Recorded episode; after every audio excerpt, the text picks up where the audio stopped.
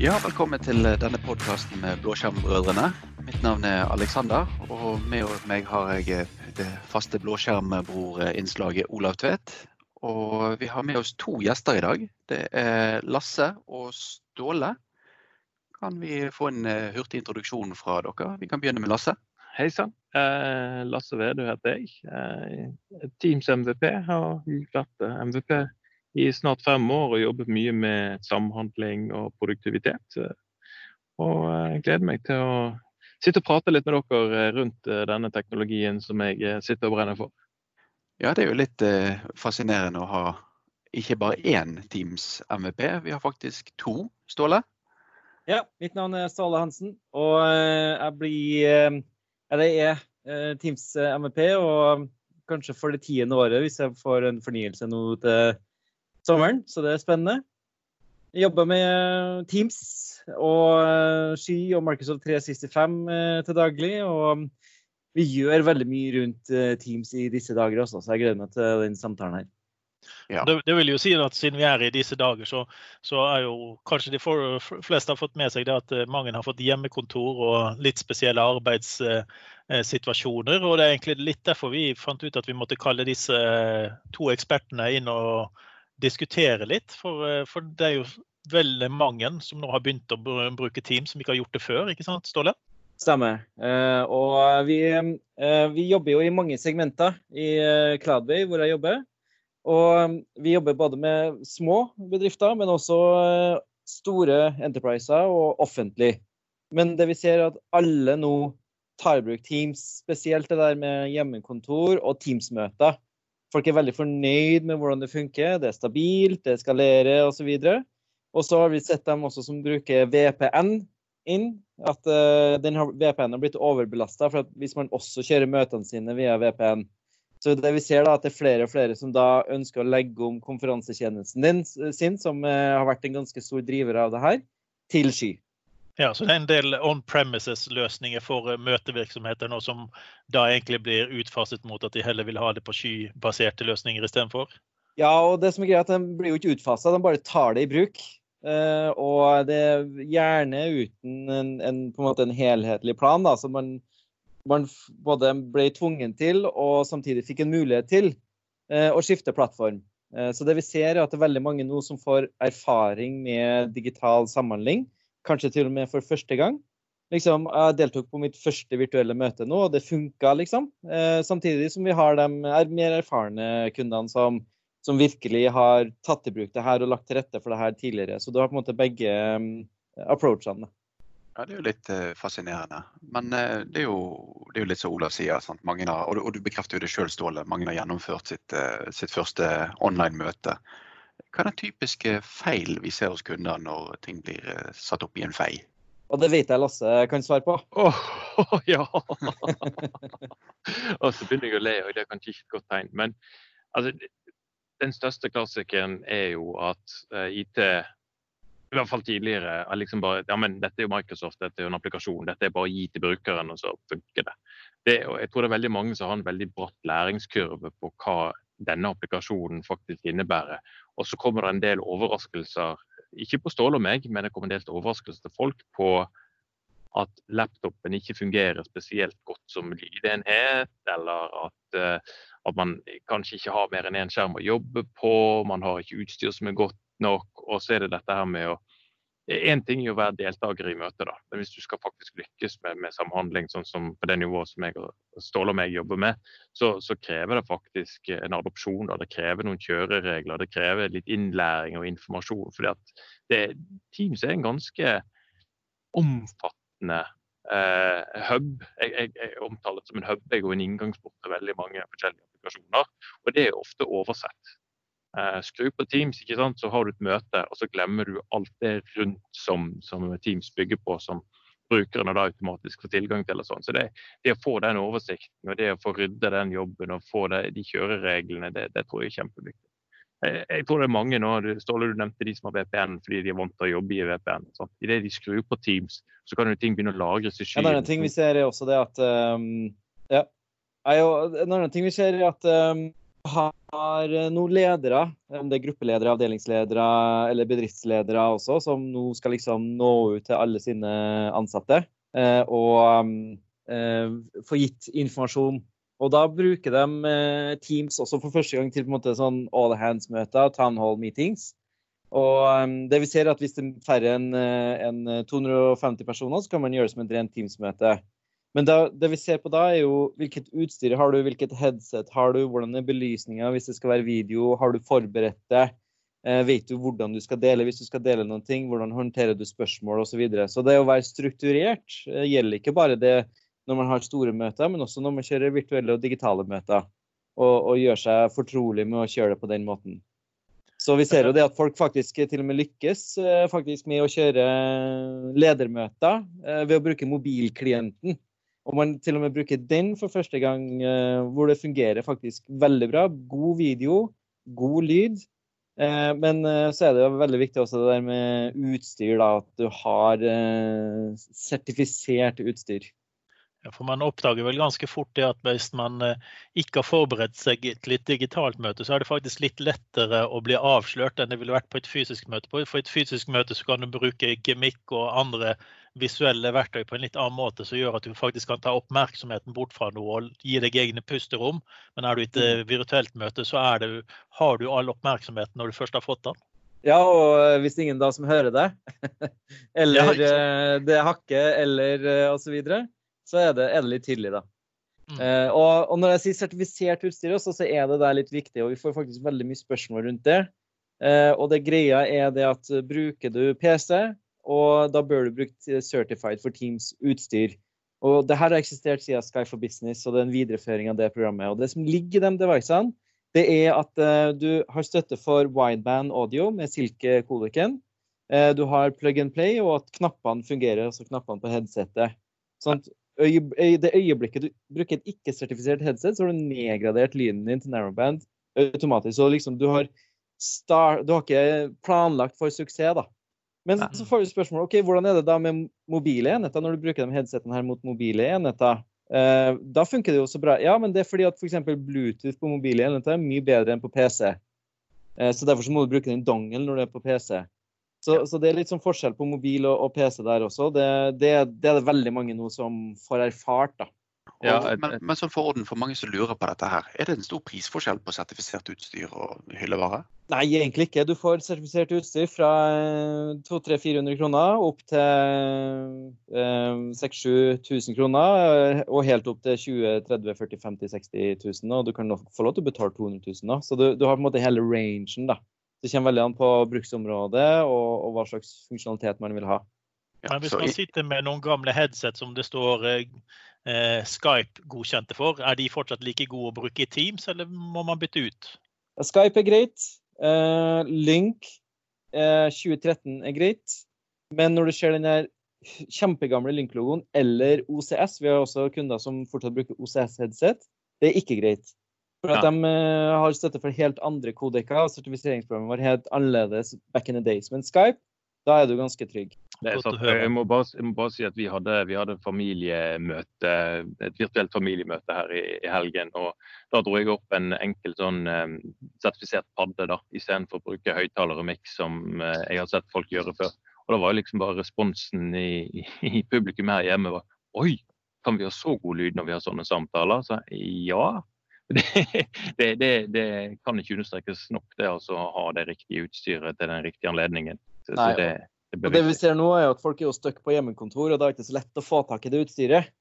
Eh, men eh, så Derfor så er det vel så viktig å tenke over OK, du, du skal bruke iPhone-budsene dine, men tenk på rommet du sitter i. Tenk på støyen rundt deg osv. Fordi at de consumer-headsetene, om det er Bose, kjempebra Bose-headset, eller eller gamer-headset osv. Så, videre, så de laga for å, å, ta inn rommet. Eh, mens eh, UC-headset og Teams-headset er laga for å noise-cancele rommet, sånn at stemmen din blir god. Mm. Eh, så, så, tenk litt på liksom, hvor du sitter hen når du skal gjennomføre um, møtene dine. Ja, jeg hadde senest en samtale før i dag sammen med Oddvar. og Han sa at han slet litt med denne møtet i dag siden han hadde snekker som sto banket. Eh, og Spørsmålet hans etter innspillingen var om vi hadde hørt snekkeren, men det var jo ingen av oss som hadde hørt at det var noen som snekret der i det hele tatt, pga. akkurat denne typen ting. Sant? Ja, det, er jo, nettopp sånn det skal være, men det er ikke det hvis du har et uh, tilfeldig uh, Elkjøp-headset som er ment for gaming. Veldig, veldig, gode råd. Også ikke minst som du sier, Ståle, det, det, behøver ikke være så dyrt heller. Jeg sitter med et relativt rimelig headset med kabel, for jeg liker faktisk å ha kabelen sånn at jeg vet at det fungerer på den devicen jeg hiver den inn i når jeg har behov for den. Så jeg mm. har et enkelt og greit, eh, men godkjent headset som gir da bra lyd. Vi har jo noen andre aspekter rundt, eh, rundt dette med samhandling. Noen selskaper har jo veldig store uh, vegringer mot å gå mot sky og samhandling til sky og gjerne litt, eh, litt snarrådig kan jo virke litt skummelt. da. Og vi har jo lest eh, eller hørt om eh, produkter som Zoom har blitt avslørt som relativt usikkert. Skjer det samme med Teams? Nei. Sier han så enkelt og greit. Altså, jeg, jeg, pleier å si ting som er gratis, er gratis for en grunn, pleier jeg å si når jeg peker på bl.a. Zoom. Det som er med Microsoft, er at selve Teams er bygget inn i hele Enterprise-kjernen deres. Der sikkerhet eh, står som en, eh, et, et, solid anker både når det kommer til hvor det lagres, hvordan det lagres, hvor eh, vanskelig det er å komme inn og ikke komme inn, hva som krypteres.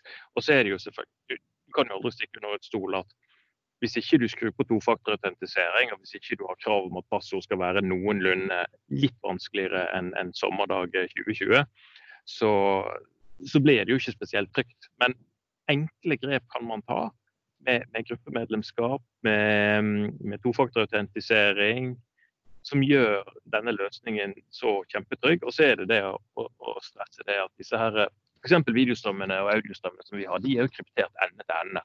I motsetning til da f.eks. Eh, Zoom, som eh, henter inn all informasjon for alle klientene. Kjører alt i en MUX og, og sender alt ut som en strøm etterpå. Du, du får ikke den samme ende-til-ende-krypteringen som du kanskje vil ha. Det går faktisk via tredjepart eh, et sted der vi ikke helt har kontroll eh, på de verdiene. Og så, er det jo hvor Zoom og, og video f.eks. Det, er jo, det er jo ett aspekt av et møte. og Hvis du bare skal prate sammen, så Tja, OK, da. Men, men, i hvert fall de fleste sammenhen sammenhenger jeg ser på, på, de kundene som jeg jobber med, så er det jo ikke bare videosamtalen som er vesentlig. Det er jo faktisk noe mer som skal skje. Man skal jo faktisk dele på noe, man skal jobbe med noe, man skal se på noe sammen. Og I det øyeblikket du begynner å laste opp dokumenter og sånn, så er jo det funksjonalitet du ikke nødvendigvis har i konkurrerende produkter. Men du er i hvert fall ikke helt trygg på hvor disse dataene lagres, hvor de ligger, hvor lenge de blir liggende. Ehm, I kontekst av Microsoft 365 så har du den kontakten med Microsoft, og du har full kontroll på dem. og Du kan gå inn og, og uh, du er din egen herre og mester over disse dataene som du kan gjøre noe med. Der, si, der, må man jo faktisk også ta litt i eh, høyden for at uh, i utgangspunktet så er tingene ganske sikre, men da kommer vi inn på noe av det underliggende her, som er SharePoint. Så en Teams-møte vil jo for, fort foregå på toppen av en SharePoint. Og da må man tenke litt på sikkerheten for sin egen del, på hvordan man tillater deling av Eh, Teams-kanaler, som det er en SharePoint underliggende, at man ikke deler det ut til anonyme eller lar andre få lov å dele ut et møte. Så man har jo potensielt muligheten til her å gjøre det gale hvis man ikke tenker seg om. Så det er jo viktig å ha en helhetlig tankegang i dette. Det er jo klart, men sånn rett ut av boksen så er, så er det en relativt trygg, eh, trygg og, og, sikker plattform. Det er selvfølgelig, du kan, du kan, jo være dum. Altså, du kan jo sette deg i bilen og tråkke på gassen og bare klemme den til, og så bare kjøre og se hvor langt det går før bilen stopper, liksom. Mm. Eh, det er jo ikke akkurat sikkerhet i seg sjøl. Men her er det jo litt på det at hvis, hvis du har satt opp en default dårlig SharePoint-sikkerhet, og så enabler du Teams, så kan Teams ligge på en, en dårlig sikret plattform. Så man bør tenke litt på eh, bare med tanke på hva, hva skal man gjøre hvis man har sittet oppe uten å tenke seg gjennom. Og jeg tror jo Når vi nå er ferdig med den første stormen, med at alle springer til Teams og alle åpner opp for en del eh, arbeidslaster, og sånn, så tror jeg at eh, det er flere som gjør det klokt i å ta to steg tilbake igjen og vurdere hvilke komponenter de åpnet for ikke åpnet for. Jeg skal ta helt konkret. Jeg har en kundecase der man hadde en plan om å legge inn tofaktorisering sånn, og kreve intune der og sånn for å få lov til å få tilgang til skydataene. Og Så kom denne Teams-biten, og så skulle alle ha Teams, og de hadde ikke tid til å tenke på alt dette her med devices og sånn. Så de åpnet opp i conditional access for at alle skulle få Teams. Det sikkerhetsansvarlig ikke var klar over, var at eh, det betydde at han åpnet opp for alle disse produktivitetsverktøyene. Eh, eh, i en og samme seng. Så plutselig så kunne du ha lokal outlook uten å ha Intune regulert. Og så, disse tingene her, disse settingene her, de bør man i hvert fall gå igjen nå i etterkant når man begynner å få hodet over vannet og har, har, fått, har fått, flyten i, i, online. Så bør man gå og se på hvordan kan vi nå sørge for at dette her kan fortsette i, innenfor de trygge rammene vi mener det skal gjøre.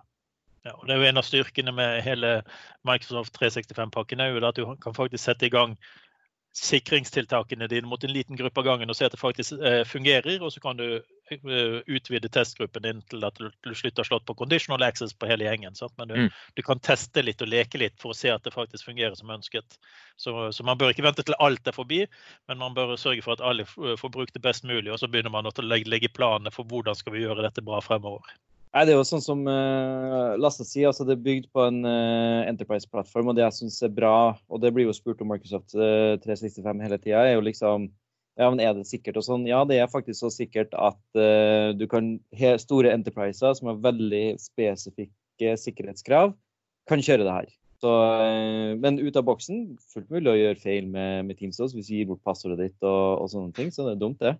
Ja da. ja da. Det, men poenget her er vel bare det at man må tenke på at nå har man kanskje gjort tingene litt kjappere enn det man burde ha gjort dem hvis man hadde hatt tid til å tenke seg om, men kanskje man ikke har hatt den tid til å tenke seg om i det hele tatt. Sånn som eh, Lasse sier, at man, eh, de hadde planer om å gjøre dette veldig bra, og så måtte de bare plutselig gjøre det.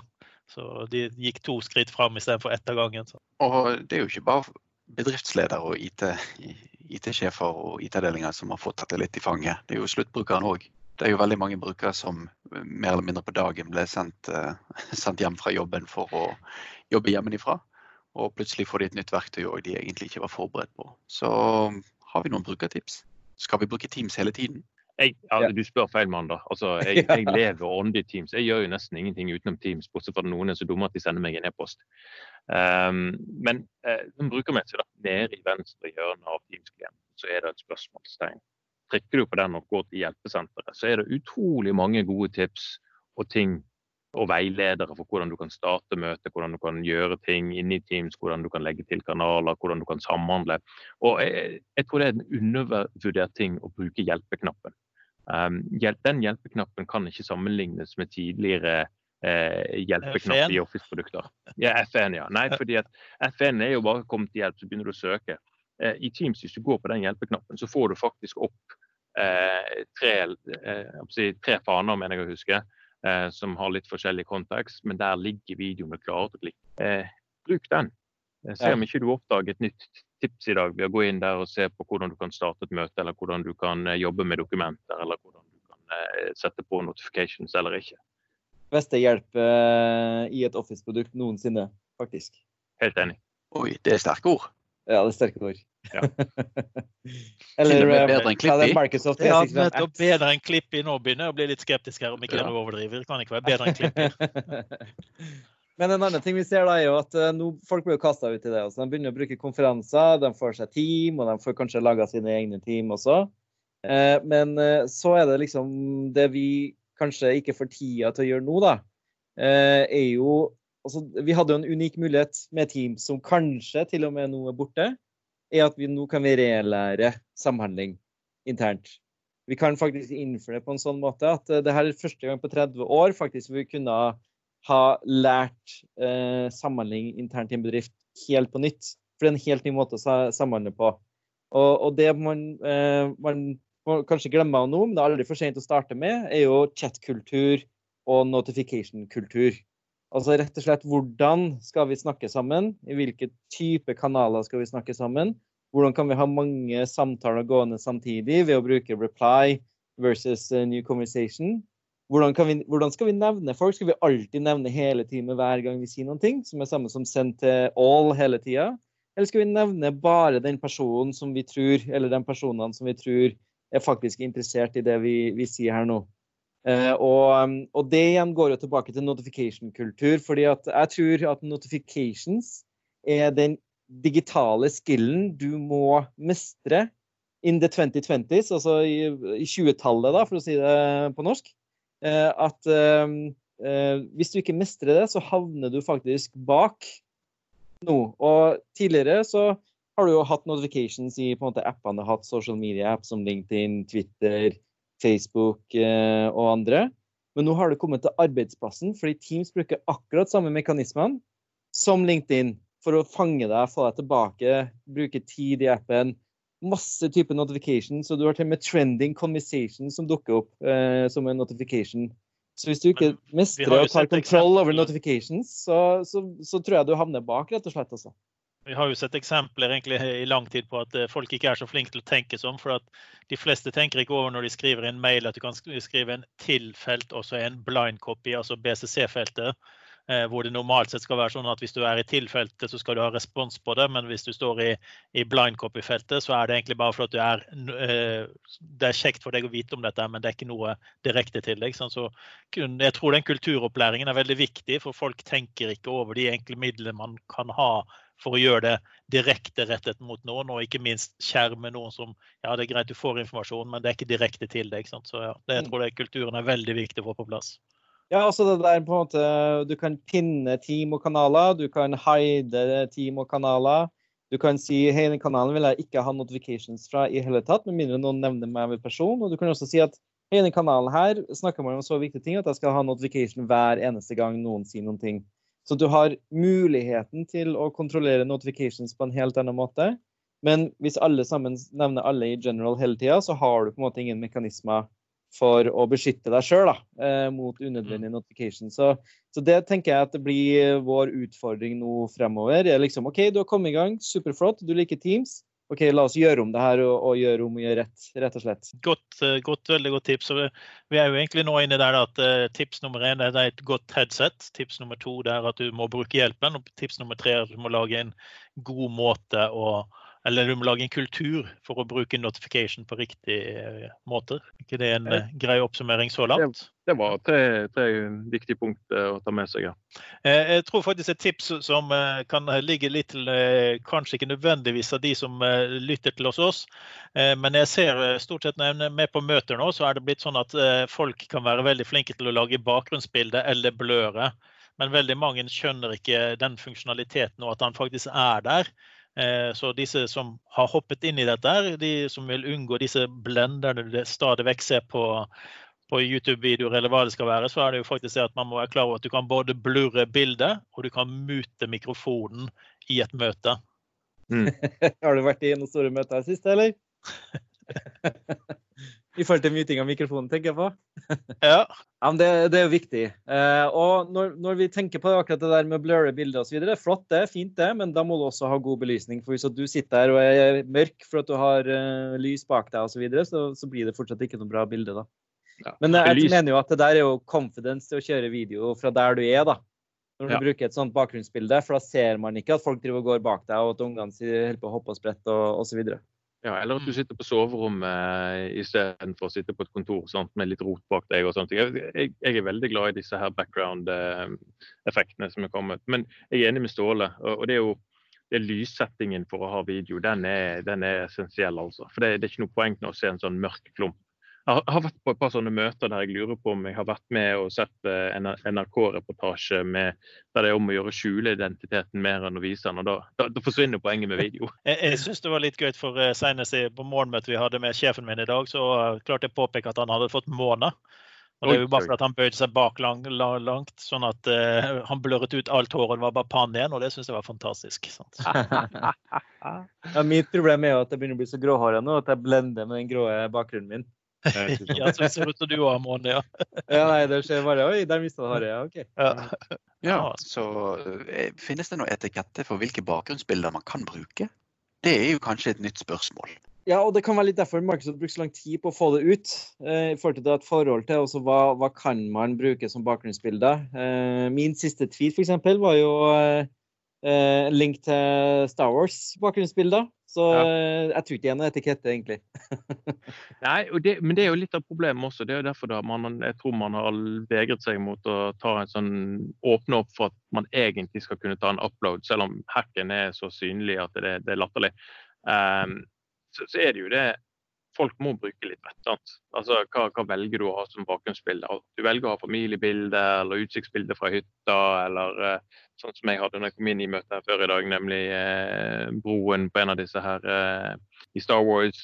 Eh, det er jo sånn, det er sånn som er litt fun. Men jeg prøver også å være litt bevisst på at når jeg har formelle møter, så er det nok ikke Chewbacca jeg har i bakgrunnen. altså. Så, så det, folk må bruke litt vett, tenker jeg. Er dette her en potensiell innstilling i conditional access, Intune eller policy i Office som gjør at vi faktisk kan si at dette er de fire forhåndsvalgte, godkjente eh, bakgrunnsbildene, kanskje? Det kommer en uh, setting i, i, Teams Admin Center, men jeg vet ikke hvor, hvor, Jeg vet at du kan legge inn bilder der, men jeg vet ikke hvor, måte, om du har mulighet til å begrense også. Nei, det har vært, eh, det har vært bestillingen for oss som, har, som jobbet tett sammen med Microsoft, da, at det, det bør komme. Eh, en, en, en, en, mulighet for en admin policy, i hvert fall, der man er redd for det. Og Det er jo mange som ønsker en sånn standard company background som man kan deploye ut overalt. Eh. Og I dag må du gjøre det med en group policy og vite stien og være litt lur. Eh, fremtidig så kommer de admin-senteret, som Ståle sa. Ja, du da, Olav. Det er jo Rebellios. Det kommer vel en Johnny Cash-bakgrunn på et eller annet tidspunkt? Det må være helst både Elvis og Johnny Cash, altså ja. jeg i midten. Eh, så det, så. Ja, det, det, lover jo, det, lover jo, positivt, da. Eh, så nei, men det, det, har vært veldig fint å ha eh, business standard policy, at man har bakgrunner som gjør det lettere for brukeren å ta gode valg. Men vi vil jo alltid ha sånne som meg som vil ha Pulp Fiction, eller Ola som vil ha Johnny Cash. Så det vil jo alltid være noen som, eh, som har litt gøye bakgrunnsbilder. Men, en liten eh, ekstra ja. funksjonalitet som eh, også er ganske grei i Teams. det er Når du setter i gang et møte eller er med på et møte, så kan du faktisk trykke på en snarvei for å ta notater i OneNote direkte. Det er en funksjon jeg bruker veldig ofte. så Jeg har en, min egen møtenotat og kan få eh, alt sammen inn i, i en gruppering i, i OneNoten min, som jeg liker veldig godt. Ja, du høres ut som å være ganske alene om det. Eller er det en eh, funksjon Ståle og, Ståle og Lasse òg syns det er fin? Ståle kan ikke fordra OneNote, har jeg hørt rykter om. Nei, um, OneNote uh, og To Do det der eh, det gjelder i forhold til å overleve oppgaver osv. Så videre. så, eh, men det, det, er en eh, lengre diskusjon enn denne gang. Men det, det er mange sånne små gullkorn man kan finne i Teams. så kanskje Et av de beste tipsene er faktisk å tørre å leke litt og prøve litt, sånn at man blir kjent med verktøyet og kan benytte det på best mulig måte. Men Det er jo det som er så interessant nå, ikke sant? for det er så mange som bruker det. Og jeg pleier å si liksom, Når brukerne blir fortrolig med verktøyet, da de begynner å bruke det på måter og i scenario begynne å legge til rette for det i prosessene sine, sånn at de bruker det på måter som vi aldri hadde drømt at de skulle gjøre det i. Eh, og det er da på en måte adopsjon har lykkes, da. Mm. Eh, og det er derfor det er mange som sier ok, nå har vi hoppa kanskje fem, kanskje ti år eh, frem i tid da, med tanke på adopsjon av digitale samhandlingsverktøy eh, i mange bedrifter. Og, og, det gjør at eh, når du kommer tilbake nå eh, etter den perioden her, så kan det hende at uh, folk har et helt annet forhold til digitale samhandlingsverktøy.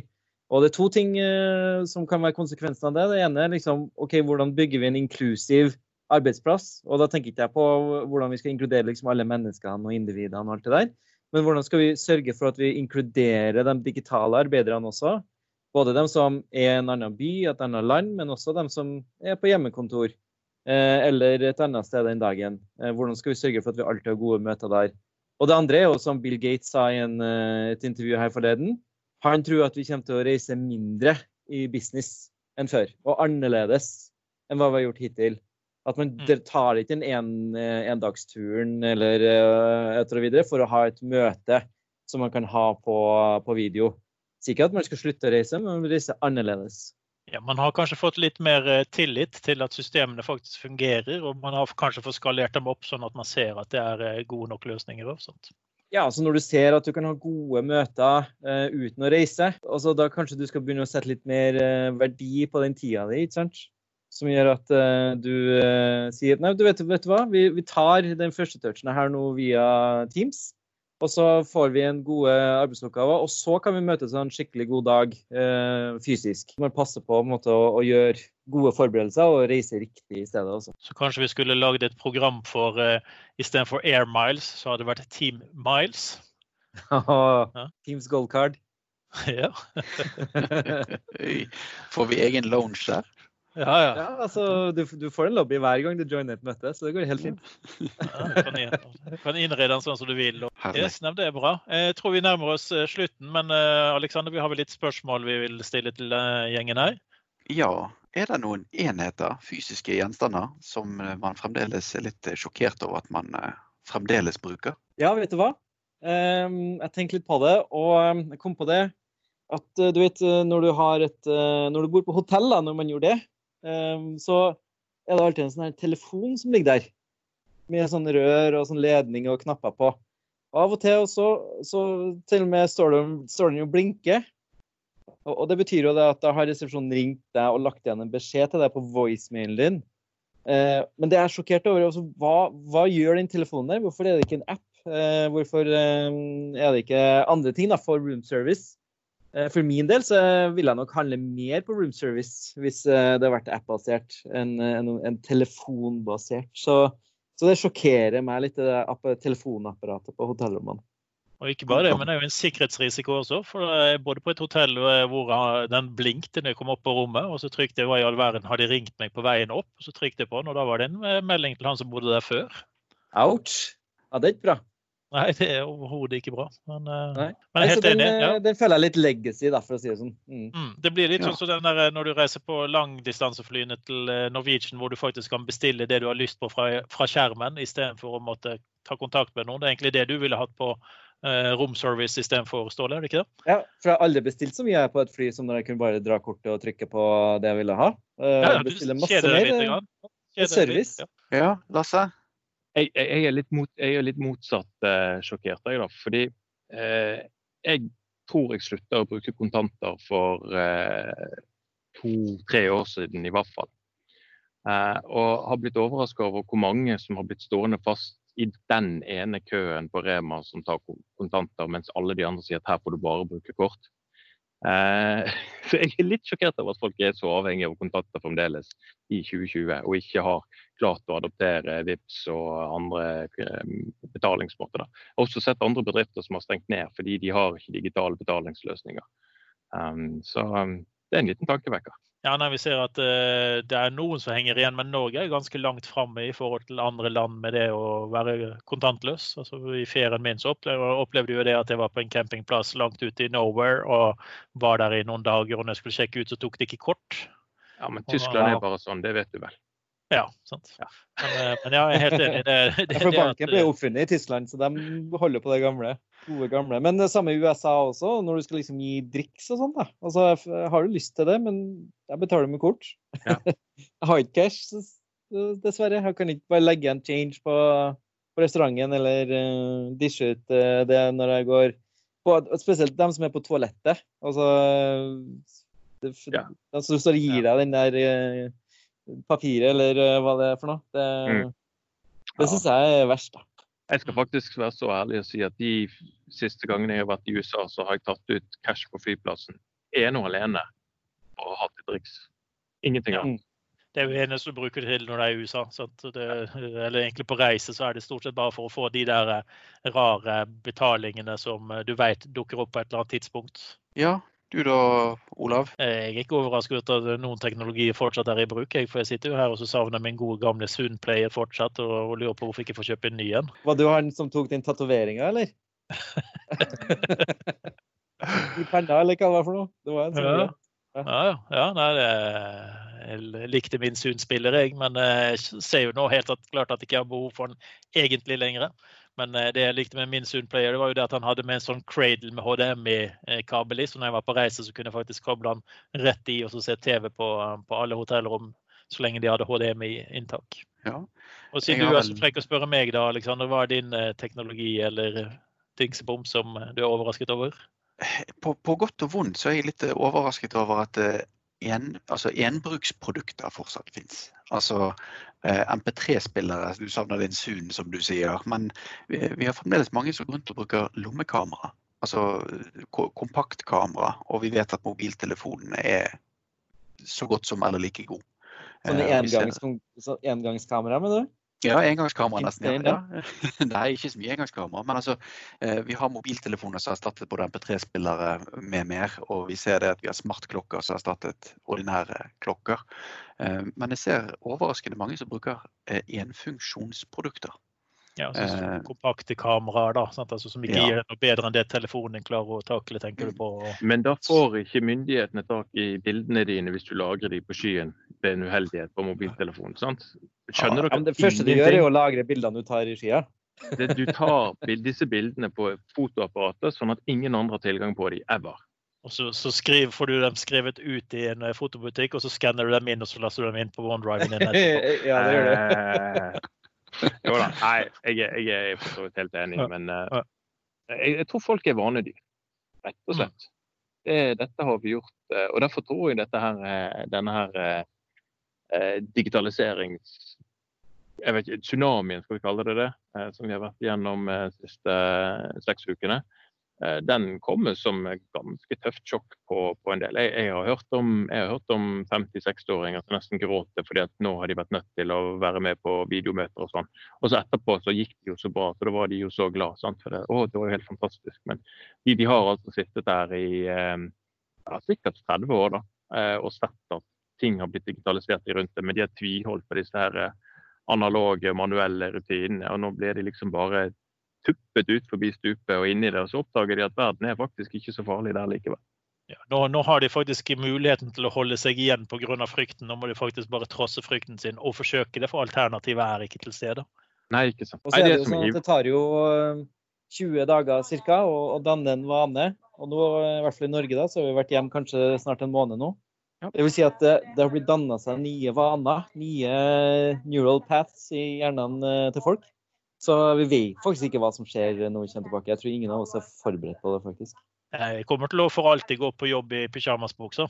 Sånn er det er din vann, Det Det var den vanen du laga det. Den er god. Vi tror vi skal ta og avslutte med pysjamasbuksen, så, så får vi se hvordan det blir eh, seinere. Tusen takk for at dere ville være her, Lasse og Ståle og Alexander. Bare hyggelig. Takk, takk.